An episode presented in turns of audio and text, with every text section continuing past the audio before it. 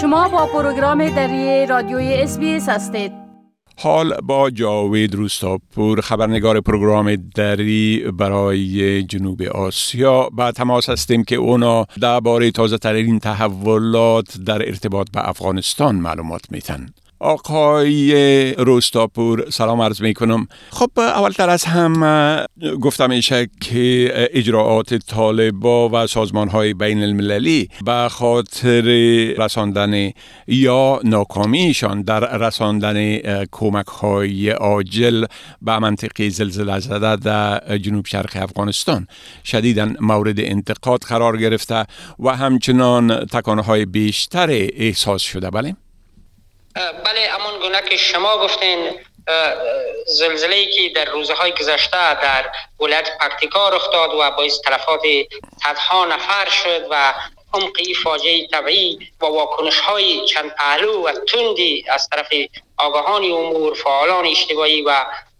کاربران شبکه اجتماعی امرا شد. این زلزله آنگونه که گفته می شد فاجعهش بسیار عمیق است و تعداد تلفاتی را که طالبا ارائه کردن به رسانه ها بیشتر از اون است و در این رابطه واکنش ها ای بود که حرکت طالبا یا اقدامات طالبا در خصوص جلوگیری از این فاجعه و از تلفات بیشتر مورد انتقاد قرار گرفته. بسیاری از فعالان در شبکه اجتماعی انتقادشان از این است که طالبا در خصوص نجات بازماندگان کسایی که در زیر آوارا بازماندن و اجسادی که در زیر آوار ماندن بسیار کند اقدام کردن و در پهلوی از این همچنان سازمان های امدادرسانی بین و ملی که اقدام کردن برای نجات کسایی که در زیر آوار باز ماندن و نجات یافتگانی که در بیرون از منزل و در زیر خیمه ها و در فضای باز به سر می‌برند یعنی اقدامات بسیار کند بوده گزارش ها از آن است که تعداد تلفات را که طالبان بیش از یک هزار نفر گفتند برخی ها میگن که این تعداد به سه هزار نفر و بیشتر از این وجود داره به دلیل از اینکه بر بنیاد گزارش هایی که منابع محلی به رسانه ها گفتند چهار الا پنج روستا در اثر زلزله کاملا ویران شده و در زمین فرو رفته خانه هایی که در این روستا موقعیت داشتند. از طرفی هم گفتن که کمک هایی که از طرف سازمان های بین صورت گرفته بسیار اندک است که تا کنون برای برخی از بازماندگان حدودی ده کیلو آرد حدود پنج کیلو برنج حدود یک لیتر روغن و به همین ترتیب کماکان نمک لوبیا و این چیزا صورت گرفته که این بسنده نیست و در حال حاضر گزارش شده که امکان دارد که بیماری کولرا در میان کسانی که از این فاجعه طبیعی جان به سلامت بردن و فعلا در فضای باز به سر ببرند شیوع کنه و این یک فاجعه دیگه است که اگر این بیماری شیوع کند در حالی که هیچ امکانات صحی در این منطقه وجود ندارد و عملا کلینیک و مراکز درمانی هم فلج هستند. یک فاجعه دیگه با وجود خواهد پیوست. در حالی که گفته می‌شد که صدها کودک در حال حاضر در پکتیکا بیمار هستند. سازمان صحی جهان اشتار داده که اگر به این وضعیت رسیدگی نشد امکان دارد که بیماری های دیگری از جمله کولرا در میان بازماندگان شیوع پیدا کند که در چنین وضعیتی رسیدگی به اینا با بسیار دشوار خواهد شد. خب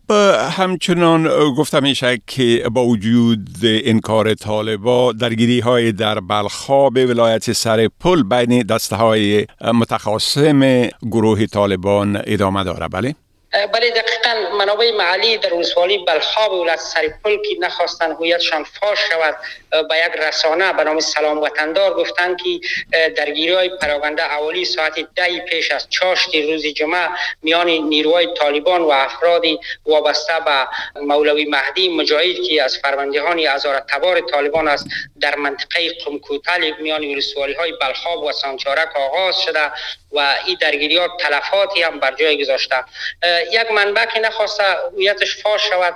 گفته که در این درگیری ها که دیروز صورت گرفت و چندین ساعت به درازا کشید دوازده تن از نیروهای طالبا و پنج تن از افرادی وابسته به مولای مهدی مجاهد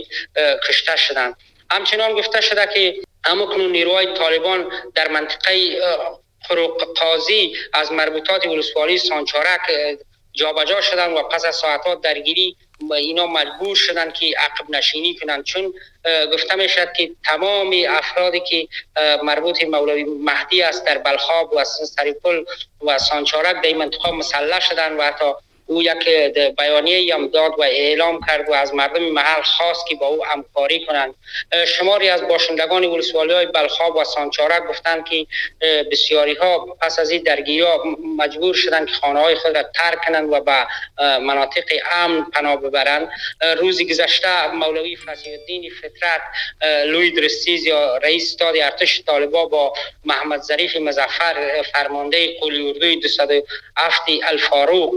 در هرات برای بررسی و چگونگی این وضعیت به ولسوالی بلخاب رفته و طالبا بیش از چهل هزار نیروی خود را گفته میشه که از جمله یک کندکی از انتحاری هستند یا را به اینجا بردن و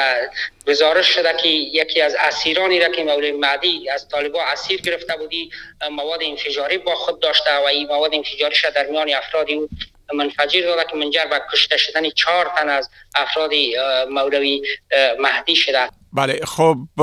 آقای روستاپور از این معلوماتتان یک جهان تشکر و فعلا شما را به خدا می سپارم و روز خوش برتان آرزو می کنم وقت شما هم خوش خدا حافظ ناصرتان. بپسندید شریک سازید و نظر دهید. اسپیس دری را در فیسبوک تعقیب کنید.